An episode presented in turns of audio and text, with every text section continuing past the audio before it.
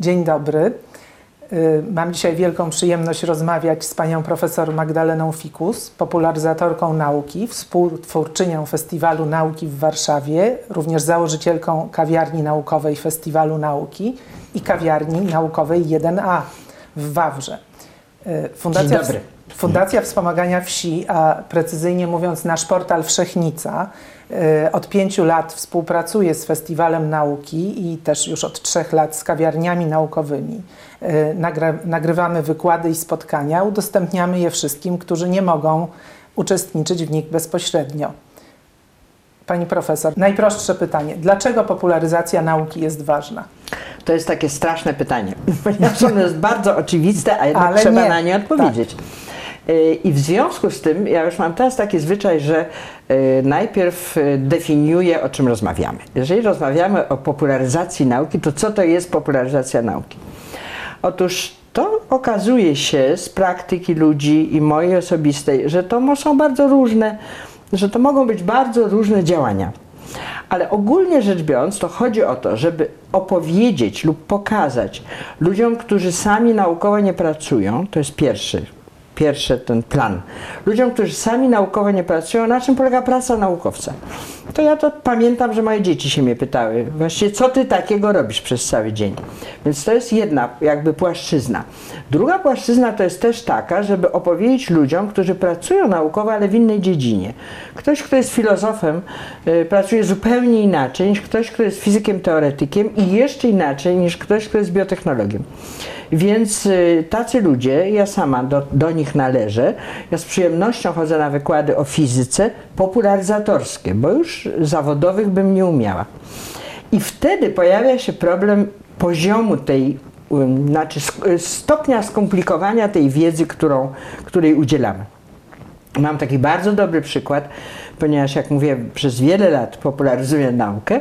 Mm, Ostatnio w Centrum Nauki Kopernik odbyła się taka seria wykładów, która się nazywała Drogi do rzeczywistości, pomyślana przez profesora Abramowicza, który mm, wymyślił taką, taki, no jakby pomysł miał taki, że będą mówić o fizyce i matematyce dwóch ludzi na każdym posiedzeniu, czyli były to dwa wykłady. Y, meta- matematyk mówił o tej matematyce, która była, musiała być rozwinięta do tego celu, który fizyk potem uprawiał. No, głównie to dotyczy teorii względności, bo jest akurat rocznica mm, Einsteinowska y, oraz badania kosmosu. Do jednego i do drugiego matematykę trzeba było rozwinąć i ten rozwój matematyki op- opowiadał matematyk, a potem fizyk. Y, No więc z tego, co mówię, wynika, że to nie jest taka prosta popularyzacja, ponieważ ona jednak odwołuje się do jakiejś wiedzy. Ja jestem z wykształcenia biolog, którego nie uczono matematyki. Takie to były głupie czasy. W związku z czym ja y, tej, ani tej matematyki, ani tej fizyki nie rozumiem, ale mam pewne wyobrażenie. I to, co wysłuchałam na tych sześciu wykładach, bardzo mnie zainteresowało i bardzo mnie mm, ubogaciło, mówiąc takim śmiesznym troszkę językiem. Więc to jest popularyzacja na trochę wyższym poziomie. Czyli możemy sobie wybrać poziom. E, Współpracuję z Uniwersytetem Dzieci. E, Poziom, na którym się mówi do dzieci ośmiolatków, powinien być inny, choć te dzieci w Polsce bywają bardzo już wykształcone, powiedziałabym niż do ludzi, których umownie nazwijmy, że to są takie, tacy, którzy skończyli powiedzmy dobre gimnazjum, dobre liceum. No myślę, że ta, te drogi do rzeczywistości w Centrum Nauki Kopernik to powinno się było skończyć dobre liceum do tego. Jednym Żeby móc skorzystać, żeby móc skorzystać z tego, co oni tam- mówią. Ale też jest taki, czyli y, po pierwsze jest taki, taka możliwość chodzenia na wykłady popularyzatorskie, które, których się nie do końca rozumie, ale które nas wprowadzają w pewną grupę pojęć i potem może, może chcielibyśmy się czegoś więcej dowiedzieć, no na przykład o nieskończoności. Czyli był matematyk, który mówił o nieskończoności, a jednocześnie, y, a jednocześnie y, no nie wszystko ja mogłam zrozumieć z tym wykształceniem licealnym powiedzmy, Mm, ale jestem tak przygotowana, że mogłabym teraz sobie wziąć książkę i przeczytać coś więcej. Y, okazuje się, że na taką popularyzację jest zapotrzebowanie. W Centrum Nauki Kopernik stały kolejki, żeby się dostać do środka, to było bezpłatne. Mm, Część ludzi siedziała na sali z transmisją bezpośrednią, y, internetową. Y, To będzie, już pewno jest w internecie, czyli że była taka potrzeba w Warszawie. Ostatni wykładowca, który mówił o o tym, jak e, uczestniczył jako konsultant e, w filmie Interstellar, który to film ogląda, oglądało bardzo wielu ludzi, e, no to mówił, że nie myślał, że z tej konsultacji wyniknie również dla niego korzyść, ponieważ on musiał wykonać pewne obliczenia, które stały się potem przedmiotem jego pracy naukowej. Czyli, że to pokazuje, e, że ta popularyzacja, bo zaraz będziemy rozmawiać pewno po co się to robi, ale że to pokazuje, że ona daje korzyści obu stronom. Uczonemu, bo jestem za tym, żeby naukę popularyzowali ludzie, którzy pracują naukowo. No, przepraszam, nie dziennikarze. Chyba, że bardzo wykształceni dobrze dziennikarze. Otóż korzyść jest z jednej strony dla uczonego, który jak widać y, dowiaduje się, co właściwie jest takie strasznie trudne w tym, dla zrozumienia w tym, co, co on Co on robi. robi. prawda? I dowiaduje się tego, że należy sobie wyrobić pewne słownictwo.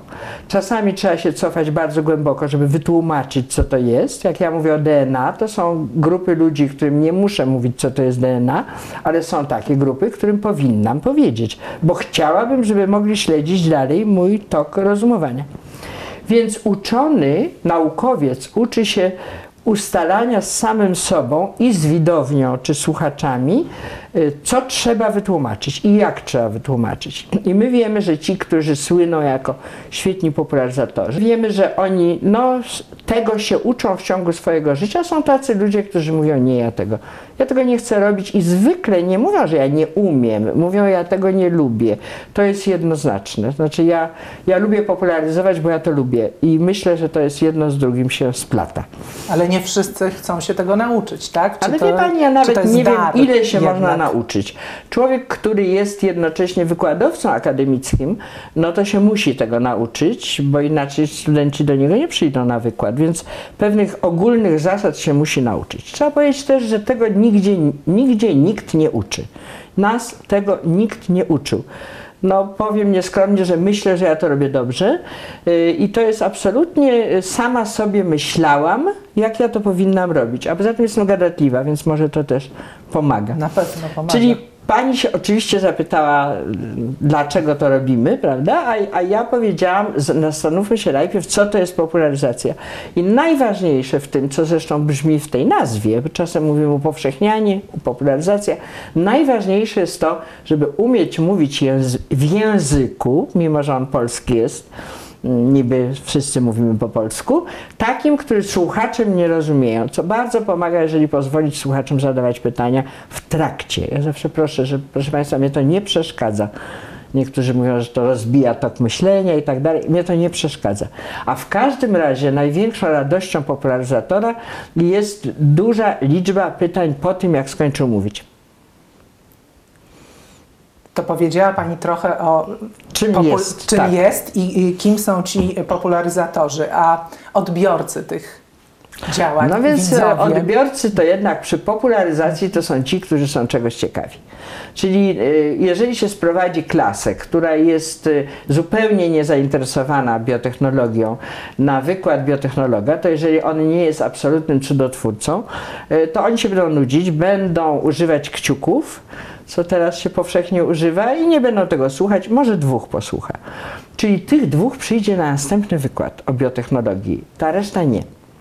Więc uważam, że to jest pytanie, jak zdobywać tych ludzi zainteresowanych, ale uważam, że, te, że odbiorca powinien być zainteresowany przynajmniej tytułem, tym, co, dlatego te tytuły są takie bardzo ważne, y, tytułem tego spotkania, na które przyszedł. E, Tytuły to jest w ogóle taka sprawa, mm, właśnie, że ona ma, one, tytuł ma przywabić do tego, żeby przyjść. Czasami tytuł jest niepotrzebnie mm, frywolnie dziennikarski i potem człowiek mówi, że ja przecież nie myślałem, że to będzie to, e, ale jednak musi być ciekawy. Znaczy nie może być, nie wiem, dzieje y, odkrywania struktury DNA, bo można napisać, można powiedzieć tajemni- DNA, tajemnicza Helisa. I to będzie to samo, tylko że jedno jest nudny tytuł, a drugie jest budzące zainteresowanie. Czyli jeszcze raz, odbiorca musi być sam zainteresowany. Może się okazać, że jest błąd, że przyszedł. Ja zawsze patrzę, ilu ludzi z mojego wykładu y, wychodzi w trakcie wykładu. Więc to też jest taki znak, że nie spotkaliśmy się. Ale wychodzi zawsze, nie- niekoniecznie z moich wykładów. Z takich wykładów wychodzi mało ludzi. Czyli odbiorca musi być ciekawy. Oni są ciekawi, bo chcą zrozumieć świat. No tak się to tak mówi. się- tak się takiej- to mówi, prawda? Takiej, No. tak, że to zrozumieć świat. To jest to ładne wydarzenie, jest piękna książka profesora Osiatyńskiego, dwie książki. Jedna, gdzie rozmawiał z badaczami amerykańskimi, głównie z zachodniej półkuli. I to jest z lat 70. książka, a potem rozmawiał z badaczami bardzo interesującymi, z, głównie z w- wówczasnego Związku prawda? Radzieckiego. A teraz ma takie rozmowy w Radiu Tok FM wieczorem w poniedziałki, które też temu służą. Y, To jest dobry tytuł, żeby zrozumieć świat. Oczywiście, y, jakbyśmy nie chodzili na jaką liczbę wykładów popularyzatorskich, zrozumieć świata do końca nie możemy, bo jednak on jest upraszczany. Znaczy, przy popularyzacji on jest upraszczany. Ale jest, są też ludzie, którzy stają się potem specjalistami w jakiejś dziedzinie, którzy potrafią zaskoczyć wykładowcę z tej dziedziny głębią swoich pytań. Jest dużo takich ludzi y, archeologiczno-historycznych. Pamiętam taki wykład na Festiwalu Nauki, gdzie była mowa o, o tym, co znajduje się na dzisiejszych ziemiach polskich. I potem były pytania i w, przy niektórych y, rzeczowych pytaniach wykładowca był za, skonfundowany, ponieważ widział, że ten, który pyta, bardzo dużo wie.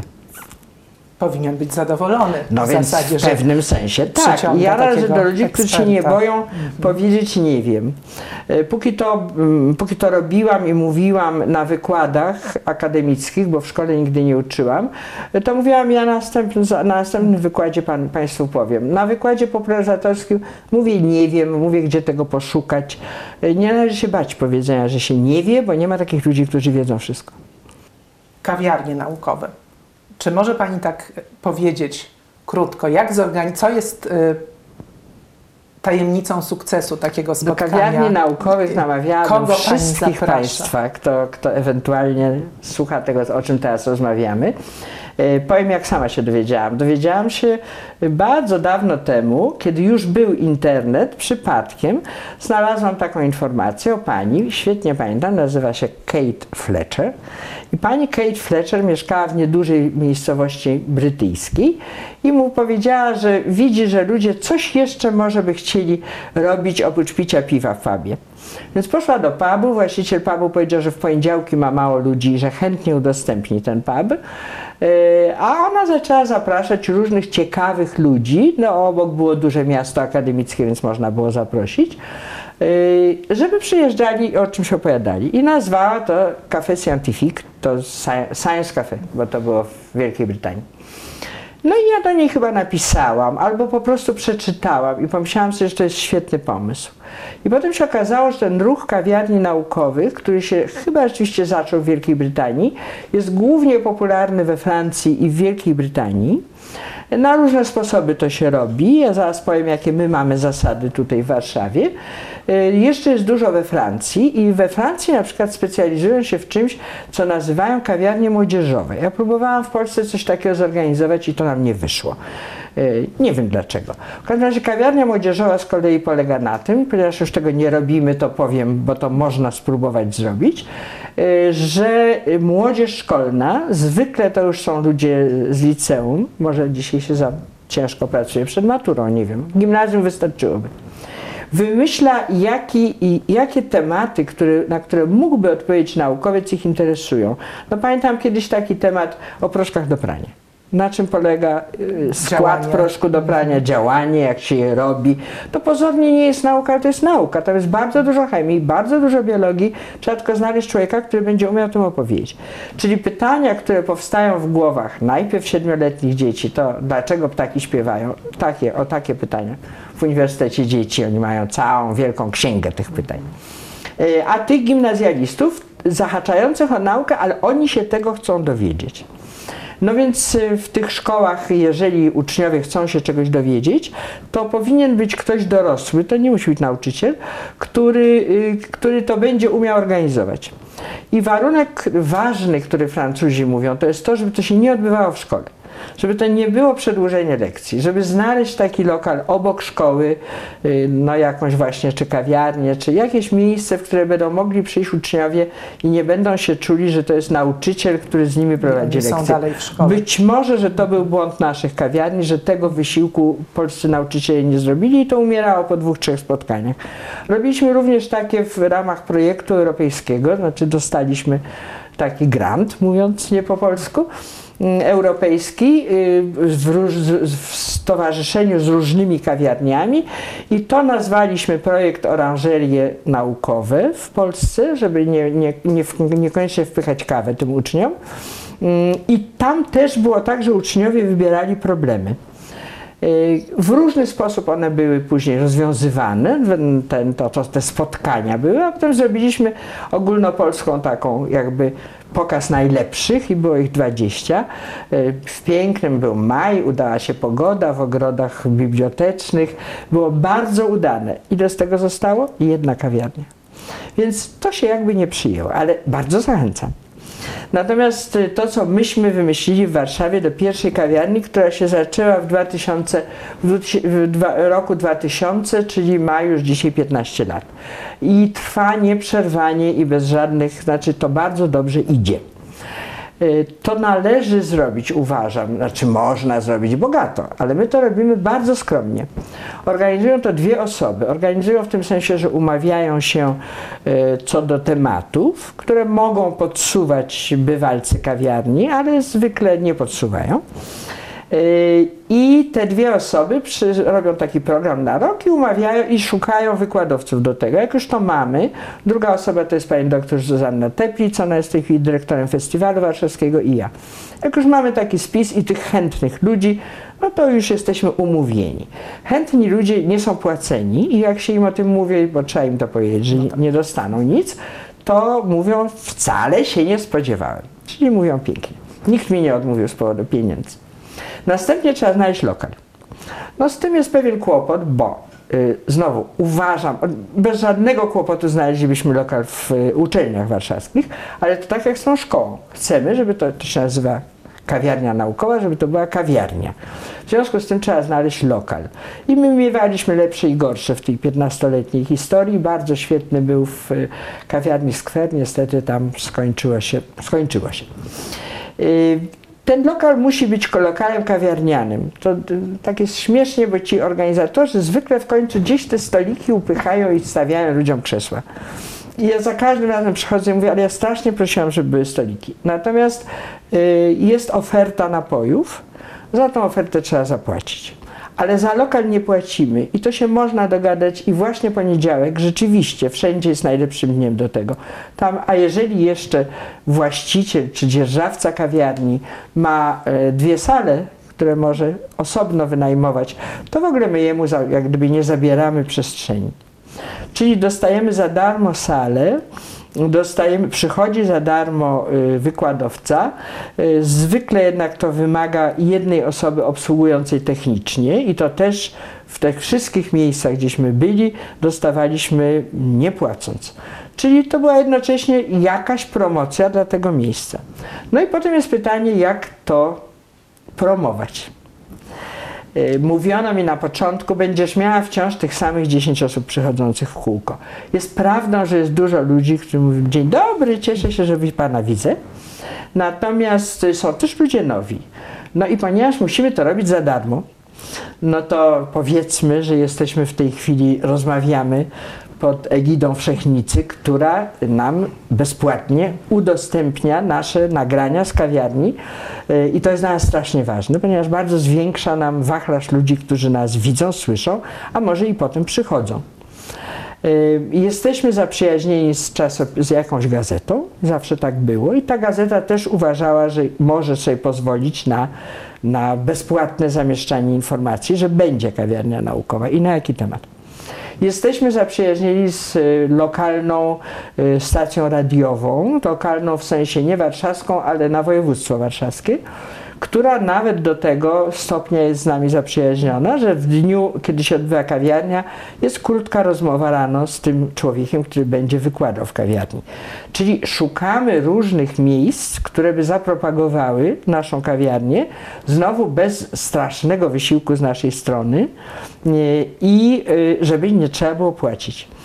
Y, Ja to mówię dlatego, bo oczywiście można płacić. Można wynająć telewizję i zrobić studio telewizyjne. Tylko, że y, wtedy no, to od razu wymaga jakichś nakładów, sponsora i tak dalej. Czyli myślę, że można się obyć, ponieważ te sale, które w których u nas się odbywają kawiarnie, mieszczą no, najwyżej 100 osób. Czyli to jest mała liczba i dlatego tak bardzo ważna jest ta propagacja państwa Później.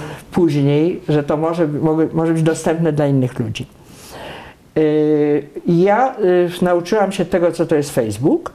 W związku z tym jest, mam, mam, mamy Facebooka, kawiarni naukowej, jednej i drugiej, w Wawrze też, o Wawrze jeszcze powiem słowo. I yy, mamy, ja mam stro, mamy stronę yy, internetową i Facebooka Festiwalu Nauki, ponieważ pierwsza kawiarnia, ta 15-letnia, jest z inicjatywy Festiwalu Nauki, więc tam też są informacje. No i mam bazę adresową, która wynosi mniej więcej 800 osób. Z tego y, y, i ja rozsyłam przed spotkaniem wiad- zawiadomienie, że będzie i tych, co przychodzą z tej, z tej listy, to jak nauczył mnie kiedyś mój mąż dziennikarz, to można liczyć na 10%. Y, No ale 800, 800 listów idzie i każdy, każdego bo spotykam nowego człowieka, pytam się, a może byś chciał, do niczego nie zobowiązuję, bo to ja wysyłam stryk i, i idzie. Co wysyłam? Wysyłam zawiadomienie i wysyłam plakacik, który robi dla nas zaprzyjaźniona gazeta Metro. Też, też to. Metro nie bierze pieniędzy za to. Yy, No, ma swoje logo na tym, mówimy o tym, że metro nas propaguje. Czasami też coś napiszą. Jednym słowem, można się chyba dogadać, bo to jest taka fajna inicjatywa. Z lokalnym radiem, z lokalną nawet telewizją, z lokalnym y, gazetą y, i mieć te sposoby, które teraz już wszyscy wiedzą, że ma być Facebook i tak dalej. Y, Druga kawiarnia, o której pani powiedziała, się nazywa 1A, bo jest przy ulicy Żagańskiej numer 1A w Wawrze, Wawrze. To jest blisko Warszawy, jest świetny dojazd pociągiem. Oni sami to wymyślili. To znaczy przyszli do mnie, że ja robię taką kawiarnię, że oni by też chcieli. I robią według tych samych zasad. Czasem się jak gdyby dzielimy wykładowcami. To znaczy, że ktoś już u nas był, a potem dwa miesiące później pójdzie do Wawra. Wawer, dla tych, którzy nie znają geografii Warszawy, to kiedyś to była taka podmiejska, no podmiejskie miejsce, gdzie, się, gdzie była sypialnia. Teraz jest też sypialnia, ale tam powstało dużo prywatnych domów, y, ludzi, którzy być może wieczorami, a jeszcze bardziej możliwe, że to są kobiety, które niekoniecznie pracują, bo są wystarczająco zamożne, Może się troszkę nudzą, może chciałyby się oderwać od telewizora. W każdym razie w tym Wawrze też przychodzi dużo ludzi, też koło setki. Mm, Mieszkają tam też ludzie cie- ciekawi. Ostatnio była pani Dzikowska, która mieszka, która jest znaną podróżniczką, o której ludzie wiedzą, więc też chcieli z nią rozmawiać. Jednym słowem, trzeba znaleźć jedną osobę w swojej miejscowości, której się to podoba. E, e, Trzeba sobie uświadomić, że o nauce można mówić w bardzo różny sposób i z bardzo różnych, tak jak powiedziałam, o proszkach do prania, jeżeli ktoś umie o tym powiedzieć. E, Więc e, trzeba sobie pomyśleć, skąd będę brała wykładowców, bo jeżeli się jest w odległości 100 km od miasta uniwersyteckiego, to jednak, jeżeli nawet znajdziemy specjalistę, to trzeba mu zapłacić za tę podróż i tak dalej. To już tak całkiem za darmo nie może być. Ale w y, miastach mniejszych, a w szczególności jeżeli tam jest jakaś wyższa szkoła, jakaś uczelnia, jedna czy druga, to to naprawdę jest proste i jest bardzo miło, ponieważ y, ja, y, ja jeszcze przed, przed chwilą mówiłam, że popularyzator cieszy się, jak mu zadają pytania i oczywiście się cieszy, jak na przykład spotyka w sklepie kogoś i pani mówi, a ja chodzę do pani do kawiarni, ostatnio było tak ciekawie. Czyli jak odbiera wyniki swojej pracy. Także no jeżeli mogę tutaj namawiać do tworzenia kawiarni naukowych, to, to, to bardzo namawiam, bo to znowu z obu stron jest wielka satysfakcja. Przychodzą ludzie tak zwani brzydko z ulicy. Także tam już trzeba pamiętać, że wszystko o czym się mówi, trzeba to wytłumaczyć, o czym mówię, a dalej już jest dobrze. Czyli ten y, wykładowca, ten poziom- musi być, y, musi wiedzieć, musi, być wiedzieć popularyzatorem nauki. Tak. prawdziwym, Tak, tak, o, tak, opowiedzieć takim, co- poziom któremu to, który to też lubi i taki, żeby chcieć zaciekawić ludzi, którzy do niego przyszli. Oni zawsze zadają pytania.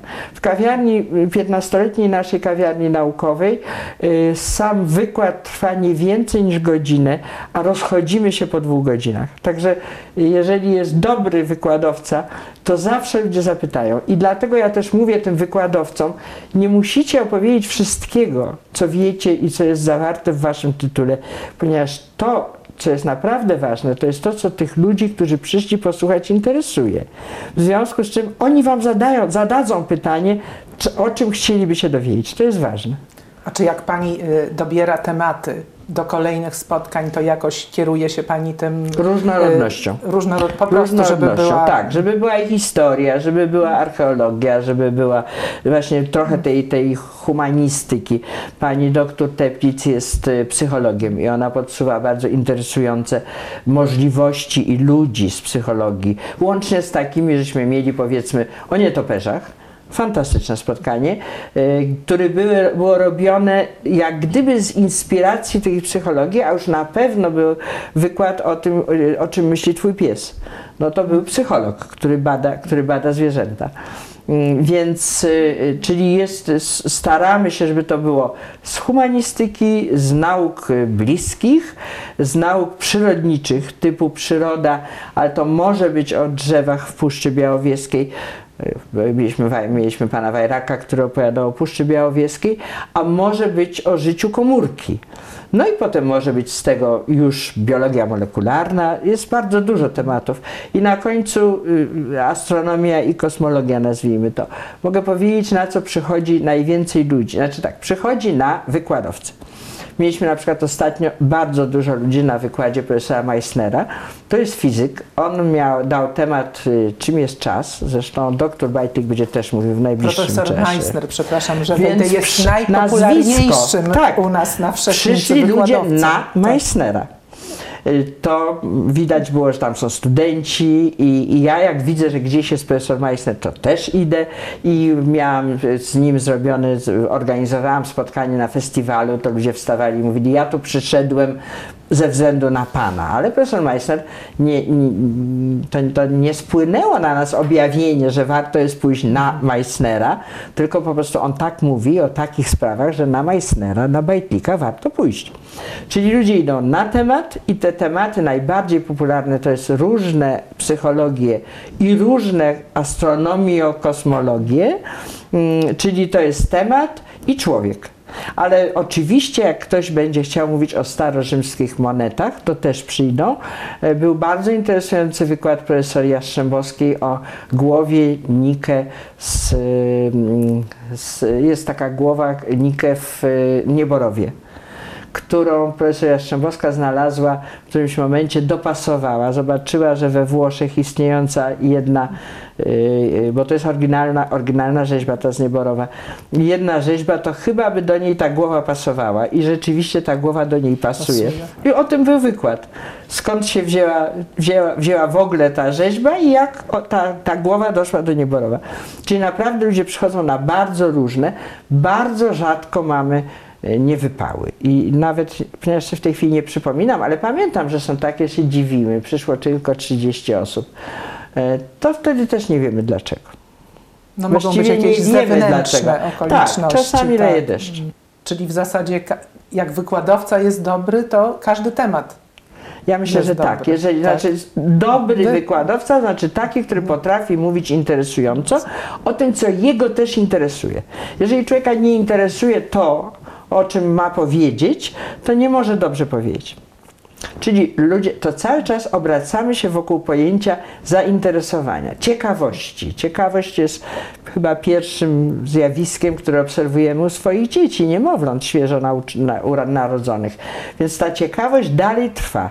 Czyli przy upowszechnianiu nauki musi być człowiek, którego ciekawią jego badania, który potrafi o tym ciekawie opowiedzieć i ludzie, którzy z ciekawości przychodzą, bo chcą się tego dowiedzieć. To jest oddawanie swojego czasu. Człowiek nie ma niczego na świecie. Nie wiem, czy. Ja już sobie z tego zdaję sprawę. Jestem w wieku, w którym wiem, że nic ważniejszego na świecie nie ma niż czas, który ja mogę na coś poświęcić. Więc jeżeli się przychodzi na takie spotkanie dwugodzinne, to się oddało dwie godziny swojego życia. I ci ludzie, którzy przychodzą, wiedzą o tym, że oddało coś najbardziej, naj, najbardziej cennego ze swojego życia, żeby się dowiedzieć, jakie były monety starorzymskie znajdowane na terenie Polski. Czyli zachęcamy wszystkich do tworzenia kawiarni naukowych. Znaczy, wykonałam tutaj taką, Tak, taką tak. propagandę, że to jest naprawdę prosto. I, I jak mówię, nie wymaga wielkiego wysiłku, ale trzeba chcieć to zrobić. Znaczy, ja po prostu się Tak. uważam za człowieka, którego dzieckiem jest tak 15-letnia kawiarnia. Wymyśliłam ją, znalazłam w internecie, zrobiłam pierwsze spotkania. Robiliśmy spotkania wtedy na przykład, to też jest dobry pomysł, z jakimś wydawnictwem książkowym. Czyli, że robiliśmy, to było wtedy z wydawnictwem Pruszyńskim, oni mieli całą serię naukową, ale to nie musi być seria naukowa. To nawet gdyby to była seria romansów, to w każdym romansie jest jakiś problem, na którym można popatrzeć od strony naukowej. Dwa razy byliśmy, co byłam zachwycona. E, Przyjęła, przyjęła nas Krystyna Janda w swoim teatrze Polonia, gdzie były dwa e, przedstawienia, w których były poruszone sprawy naukowe. Jedna była o matematykach, świetne przedstawienie, i drugie było o y, y, takim spotkaniu dwojga ludzi. Ona jest fizyk, teoretyk chyba, a on jest, nie pamiętam, ale taki zwyczajny człowiek od, od nie pamiętam co on jest. No na przykład elektryk, nie pamiętam.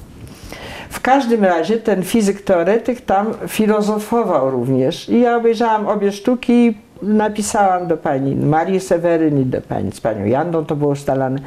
I przed przedstawieniem powiedzieliśmy, jesteśmy tutaj, z przyjemnością są tacy a tacy ludzie, jedno to był profesor Meissner na jednym z tych spotkań.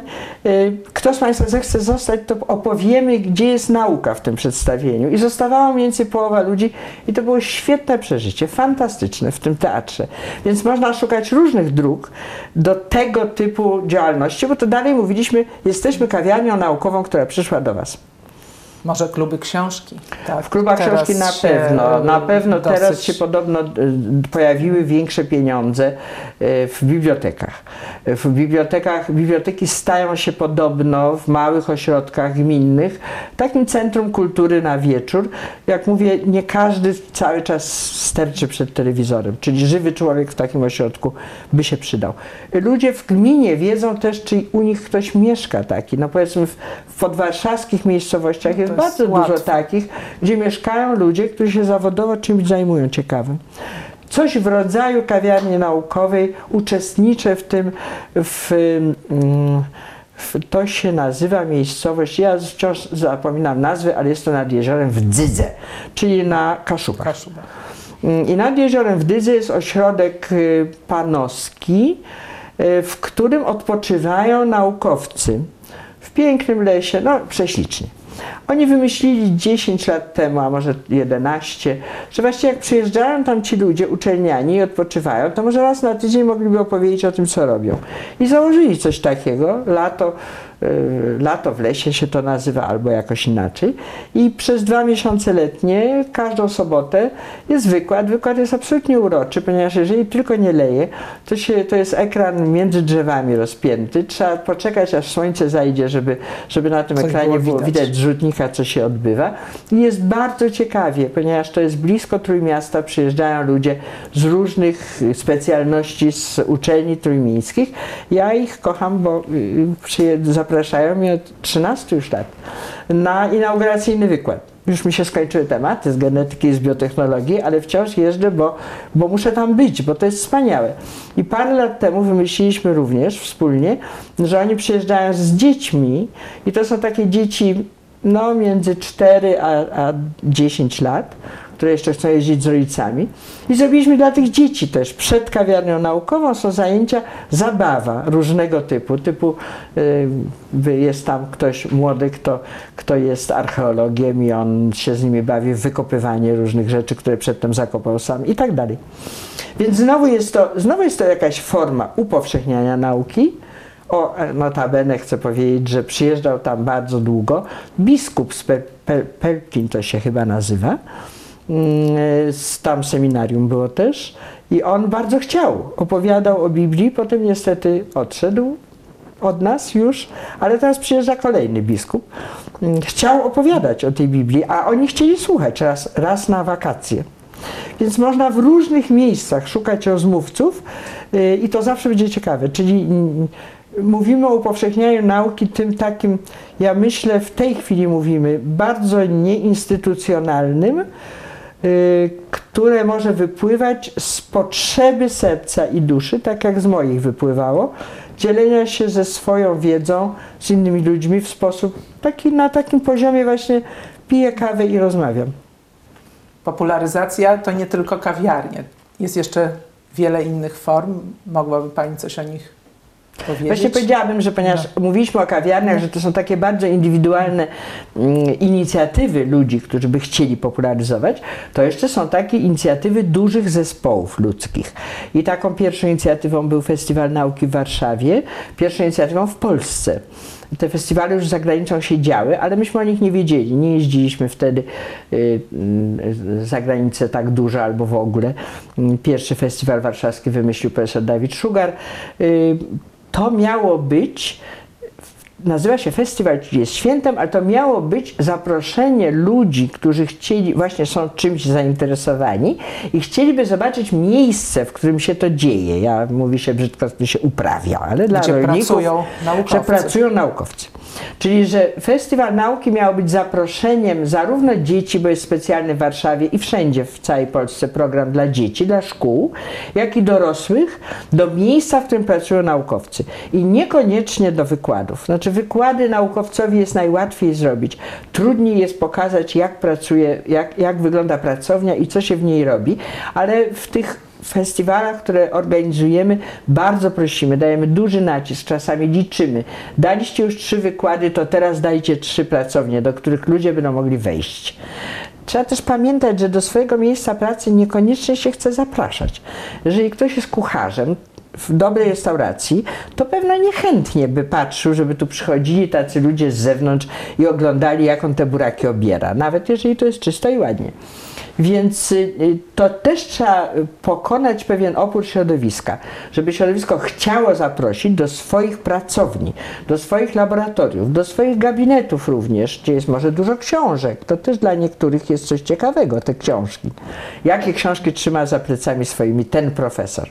Jednym słowem, żeby chcieć zaprosić do siebie. No i to jest już bardziej umasowiona organizacja. Ja znowu byłam współtwórczynią pierwszych festiwali i y, jeździłam za granicę. Mieliśmy, założyliśmy my również wspólnie taki, y, taką organizację europejskich festiwali naukowych. Y, jeździłam na kilkanaście festiwali, oglądałam, rozmawiałam i to jest tak, że to znowu, tak samo jak w przypadku kawiarni naukowej, tego nie zrobi żaden urząd. Znaczy, to nie może być oddane urzędowi miasta i powiedzieć, zróbcie festiwal nauki. To musi być robione przez naukowców, którzy uważają, że to jest sensowne. W moim osobistym życiu, a żyję wiele lat, był taki okres, kiedy ja zaczynałam i to jeszcze nie było żadnej instytucji do tego, i ludzie mówili, ty tracisz czas. Znaczy, ludzie z mojego środowiska, ty tracisz czas. Dzisiaj już nikt nie powie, nikt że tak ktoś upowszechniający naukę traci czas.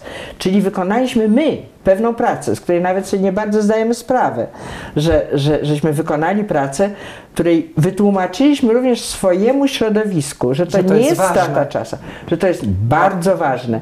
I ja myślę, w moim życiu, które 20 lat oddałam na popularyzację, to na pewno jest jedna z lepszych okresów mojego życia, że przydałam się, społecznie się przydałam, a sama miałam satysfakcję. No więc te festiwale, żeby tak podsumować, pierwszy był warszawski 20 lat temu, mm, a potem powstały, od razu w następnym roku był we Wrocławiu i one były na zasadzie coś czasem się mówi, że to memy są. Takiego właśnie rozpowszechniania się wiadomości. Wrocław dowiedział się, myśmy we, we wrześniu mieli pierwszy zjazd, w, powiedzmy w październiku był zjazd biochemiczny, na który pojechałam i wywiesiłam plakat. I podeszła do mnie koleżanka biochemiczka z Wrocławia i powiedziała, Magda, robicie coś takiego? I następnego roku był pierwszy Dolnośląski Festiwal Wrocławski. W tej chwili w porywach jest ich około 20. Właściwie w każdym mieście uniwersytecko, znaczy gdzie jest wyższa uczelnia, festiwale się odbywają, czasami nawet w pobliżu. A co mi się wydaje najciekawsze i strasznie fajne, to są też festiwale, tak jak festiwale szkolne. Mówiłam o tym dzisiaj, że, y, że, kawiarnie naukowe szkolne nie bardzo się udają, natomiast festiwale szkolne się udają. Jest ich na pewno kilkadziesiąt w Polsce. One zawsze były inicjowane y, no, albo przez bardzo światłych nauczycieli, którzy szukają nowych dróg edukacyjnych, jak można zrobić atrakcyjną edukację przez organizowanie klubów młodych odkrywców, przez organizowanie różnego typu zadań i projektów i również festiwali naukowych, gdzie często uczniowie pokazują, którzy w jakiejś czymś się bardziej interesują, swoim kolegom i koleżankom, a do tego przychodzą rodzice, jaka tam jest w tym nauka. I to się nazywa festiwal szkolny. Sama jeździłam na kilka takich. W jednym byłam takim, że szkoła niedaleko Góry Kalwarii stoi w, właściwie w gołym, w gołym polu. To jest taka zbiorcza szkoła, do której dojeżdżają dzieci z całej okolicy. I tam już się odbyło 7 czy 8 festiwali co roku. Umieją zorganizować kolejny festiwal. Fantastycznie. No samo słowo festiwal oznacza święto, czyli żeby to było coś, gdzie mówi się ciekawie i e, inaczej, inaczej o sprawach, które na lekcjach może się wydawać, że są nudne, prawda? Ale można to inaczej. Można też stymulować, co mi się strasznie podoba i też książkę przeczytałam cudowną. Można stymulować same dzieci do wykonania pewnych zadań. Książka, którą przeczytałam, nazywa się, nazywa się Podróż dzieci z Łysin. I to są dzieci z podstawówki, które wymyśliły, że chciałyby pojechać na wycieczkę. Rodzice powiedzieli, że nie mają pieniędzy.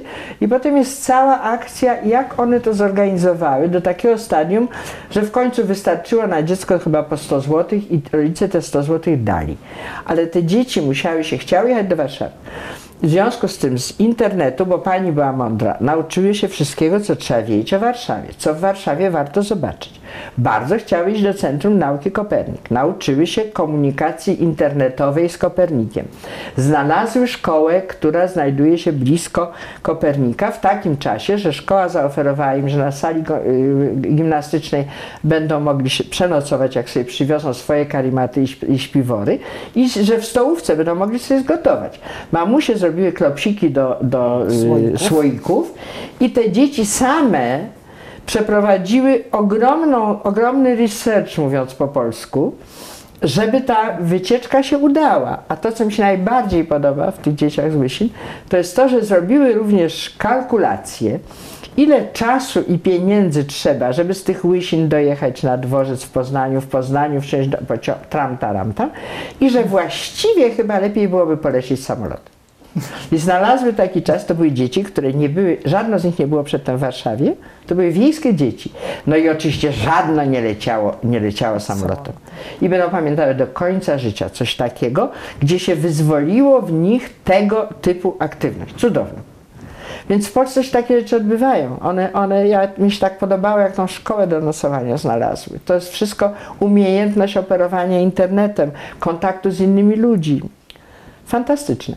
Drugi taki, taki przykład, który już chyba go nie ma, ale ja y, byłam wielką entuzjastką i też tośmy tam jakoś dalej to robili, to jeden pan, matematyk z Politechniki, który wyrósł ze szkoły mm, w, Now, na, w Nowosądeczyźnie, jakiejś takiej szkoły, znaczy z małej miejscowości wymyślił coś takiego, żeby studenci z Politechniki pojechali do tej miejscowości, może tej, z której on pochodził, tam była elektryczność. Ze swoimi laptopami i był widocznie internet jednak jakoś. nie tylko elektryczną. W lecie wieś zapłaciła tym studentom za wakacje. Y, Mieszkanie, jedzenie. Studenci codziennie zajmowali się trzy godziny dzieciakami z, ze wsi, które w tym czasie nie pomagały przy żniwach i się nudziły. Y, To się nazywało Zielona Szkoła. Pierwszego roku pojechało na to na przykład 10 studentów, następnego było już 100 chętnych z innych uczelni. Jeszcze to byli chłopcy z Politechniki, mieli dziewczyny na przykład z ASP. Dziewczyny pojechały i robiły plener malarski. No po prostu zrobiło się coś cudownego w różnych miejscach na, na Nowosądecczyźnie. I ja wtedy organizowałam taki wyjazd do Brukseli, była taka na 3000 osób, była ta, był taki zjazd właśnie popularyzatorów nauki. I myśmy pojechali pokazać, na czym polega Festiwal Nauki, na czym polegają pikniki naukowe i Zielona Szkoła. Otóż z Zielonej Szkoły pojechało dziesięcioro dzieci chyba, trzech nauczycieli, którzy ich naprawdę, to, był, to było gimnazjum, pilnowali. Dziewczynka y, przed te, na te, do tych 3000 ludzi piękną angielszczyzną z tej szkoły opowiedziała, jak to u nich wygląda. To był hit tego spotkania w Brukseli.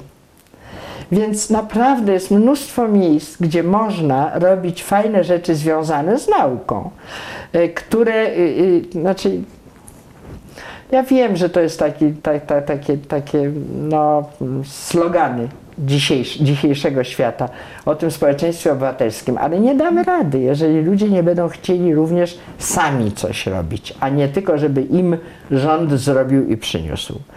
Więc no to ja mam po prostu w swoim, w swoim życiorysie bardzo dużo różnych prób robienia takich, y, dochodzenia do ludzi z wiedzą o nauce, o kulturze, o sztuce, o, o wszystkim.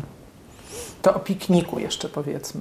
Więc jeżeli chodzi o piknik, to pierwszy piknik powstał w tym samym czasie, kiedy pierwszy Festiwal Nauki. Ja muszę powiedzieć o tym, że Festiwal Nauki wymyślił profesor Dawid Szugar, który właśnie w tym roku umarł, y, no kilkanaście dni po swoich setnych urodzinach. Profesor Szugar był człowiekiem, który zawsze coś robił po raz pierwszy. Po raz pierwszy założył w Polsce katedrę biofizyki, nie było takiej katedry w Polsce, a potem po raz pierwszy wymyślił Festiwal Nauki.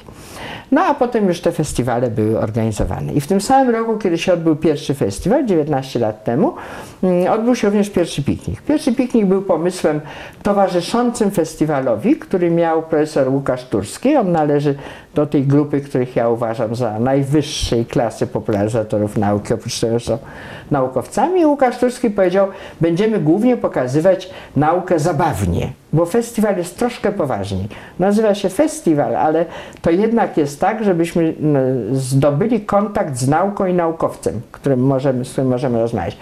Y, Profesor Turski powiedział, zrobimy to jeszcze na wesoło i nazwał to piknikiem naukowym. Piknik jest y, czymś takim, że się przychodzi y, do miejsca, gdzie się zgromadzili naukowcy. Na festiwalu idzie się do, do naukowców, a tu się idzie na właśnie na piknik. I na tym pikniku stoją, stoją na przykład różnego typu namioty i w każdym namiocie się pokazuje tu ciekły azot, tutaj mapę Amazonii i jakiś naukowiec o czymś mówi. W zeszłym roku wiem, że umęczono jednego profesora na pikniku, jednego profesora fizjologii człowieka, który miał, chyba człowieka, w każdym razie fizjologii zwierząt, który miał y, wypreparowany przewód pokarmowy myszy. Czyli była tylko taka cieniutka rureczka, tutaj było widać, że jest żołądeczek, tutaj było widać, że coś tam, tu musiał być początek, tu musiał być koniec. No więc y, podobno nie wychodzili ludzie z tego namiotu na pikniku, którym on pokazywał, mówił co, na czym polega trawienie pokarmów, były jeszcze jakieś y, slajdy, znaczy przeźrocza i tak dalej. No to są tego typu, takie, takie rzeczy, które się pokazuje w różnych namiotach. No i jeszcze obok mogą być kiełbaski. Więc to wymyślił profesor Turski. Te, te pikniki cieszą się ogromnym, w Warszawie ogromną popularnością, ale tych pikników jest dużo w Polsce. One często wa- towarzyszą festiwalom nauki. W Krakowie na przykład na pewno wiem, że jest taki, we Wrocławiu. Nie, nie oddzielają od festiwalu. A w Warszawie jest tak, że w maju odbywa się piknik, a festiwal we wrześniu. I myślę, y, tak, na początku tak nam było smutno, że ten piknik nie chciał być razem z festiwalem. E, A potem, a ja sobie dzisiaj myślę, że to jest dobrze, ponieważ e, dla tych ludzi, którzy, dla których nauka, e, których słowo nauka straszy, kiedy usłyszą po raz pierwszy piknik naukowy, na który ich, je, ich dziecko wyciągnie i nie będzie chciało iść do domu, a oni właśnie zobaczą sobie ten przewód pokarmowy myszy albo jak wyglądał balon, którym się wznieśli ludzie do stratosfery, to ci ludzie, jak słyszą później festiwal nauki, to też sobie myślą, aha, to byłem na pikniku naukowym, zobaczmy, czym jest festiwal nauki. Więc y, to jest fajnie. W maju idą na piknik w Warszawie, we wrześniu wrześniu przychodzą do nas, do, pra, do pracowni naukowych na festiwal. I to już są większe liczby ludzi, czyli że to, to idzie w sumie w Polsce odbywa się w tej chwili przynajmniej 20 festiwali, albo na wiosnę, albo na jesieni i to na pewno już przekracza milion ludzi, tych, którzy przychodzą do nauki.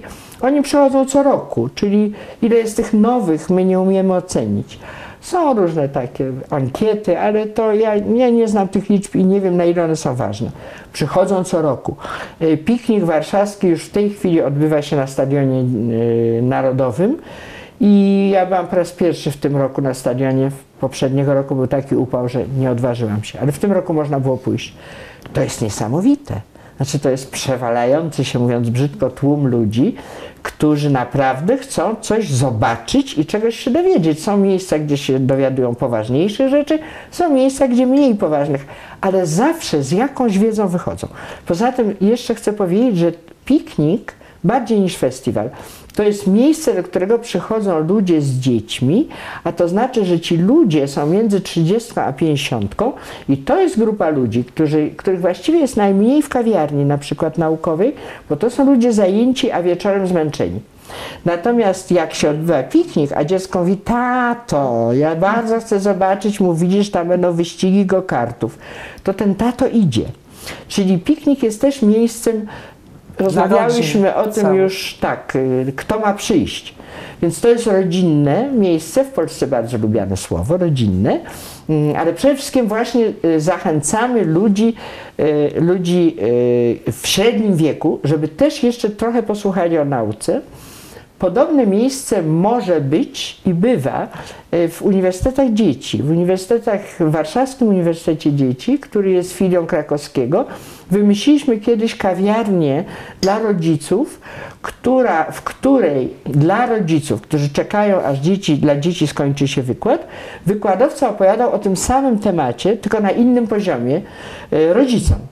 Ja sobie to zawsze wyobrażałam idealistycznie, nie wiem na ile się to sprawdziło, że potem oni idą na obiad I o rozmawiają. godzinie drugiej i ty wiesz, mamo, te dinozaury to były w Polsce. No tak, ale mówiono nam, że tylko i tak dalej, prawda? Że jest to również temat do rozmowy. Czy jest, czy nie, to nie wiem, ale to się dobrze sprawdzało. Czyli to jest też sposób. W piknik, no może festiwal, uniwersytet dziecięcy, żeby y, wprowadzić jeszcze inną grupę ludzi. Jak mówię, dla nas, my na festiwalu wiemy, najtrudniej jest zachęcić ludzi w średnim wieku, a oni przecież jeszcze są chłonni. Jak ktoś jest architektem, a dowiedziałby się czegoś z inżynierii materiałowej, to może byłoby fajnie, bo by się dowiedział o nowych materiałach, o nanocząsteczkach, które teraz wchodzą w te materiały silnie, dzisiaj w radiu słyszałam, y, których on już nie miał czasu się uczyć. Ja miewam spotkania z y, dorosłymi ludźmi, na przykład lekarzami, których nie uczono genetyki i oni chętnie słuchają o genach. Jednym słowem, to jest trochę taki chytry sposób, te pikniki i festiwale, żeby też przyciągać w różnym wieku y, publiczność. Ale zawsze zainteresowaną. No zawsze, albo taką, która stanie się zainteresowana dzięki nam.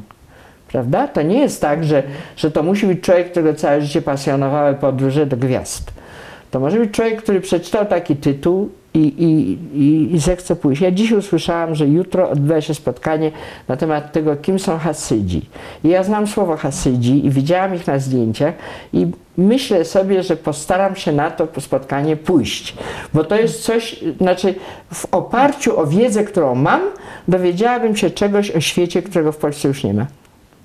Więc te większe imprezy też chcę powiedzieć, że nie organizuje się ich zupełnie, znaczy z, po pierwsze, jak powiedziałam, nie może, tego żadne biuro nie zorganizuje.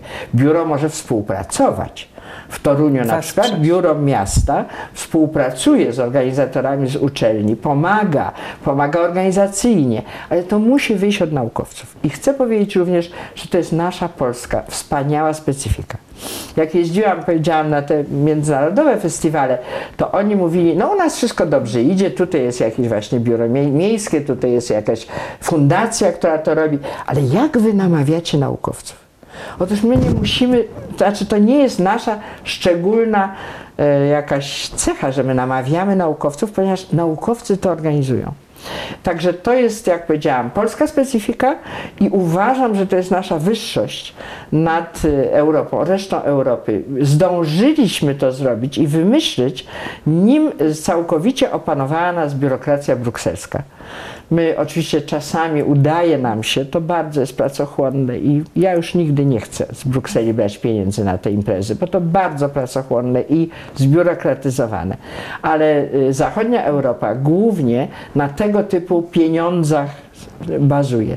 No, my dotychczas dostawaliśmy w każdym razie dużą część pieniędzy od Ministerstwa Nauki, Szkolnictwa Wyższego. Mówię dotychczas, bo jest jakiś kłopot w tej chwili z tym, nie umiem go zidentyfikować. Znajdujemy trochę sponsorów, ale przede wszystkim to jest wysiłek środowiska. Powiedzmy w Warszawie, gdyby każda uczelnia, która, prze, do, która zaprasza do swoich laboratoriów, która daje sale wykładowe, której wykładowca wychodzi do tej sali wykładowej, gdyby chciała brać pieniądze, to to by było dużo droższe, 3-4 razy droższe niż to, co my oceniamy, że to kosztuje. Czyli znowu chcę to podkreślić i to jest, jak powiedziałam, polska specyfika, piękna specyfika i mam nadzieję, że się utrzyma, że w tych działaniach jest bardzo dużo społecznego zaangażowania ludzi. Jeżeli w Polsce od 26 lat mówi się, że mamy zbudować społeczeństwo y, no to, to obywatelskie, to ja uważam, że w dziedzinie popularyzacji nauki zrobiliśmy dużo dalszy krok, dalej idący krok w budowaniu tego społeczeństwa niż w różnych innych dziedzinach. Bardzo dziękuję za rozmowę i zachęcamy wszystkich Tak. do pójścia w ślady pani profesor. To jest proste, to jest naprawdę proste. To jest proste. Zachęcamy również tych, którzy mogą do uczestniczenia w tych spotkaniach, które są w Warszawie. Oczywiście wszystkich do e, słuchania nagrań e, z tych spotkań na naszej Wszechnicy. Warto. Dziękuję bardzo. Dziękuję bardzo.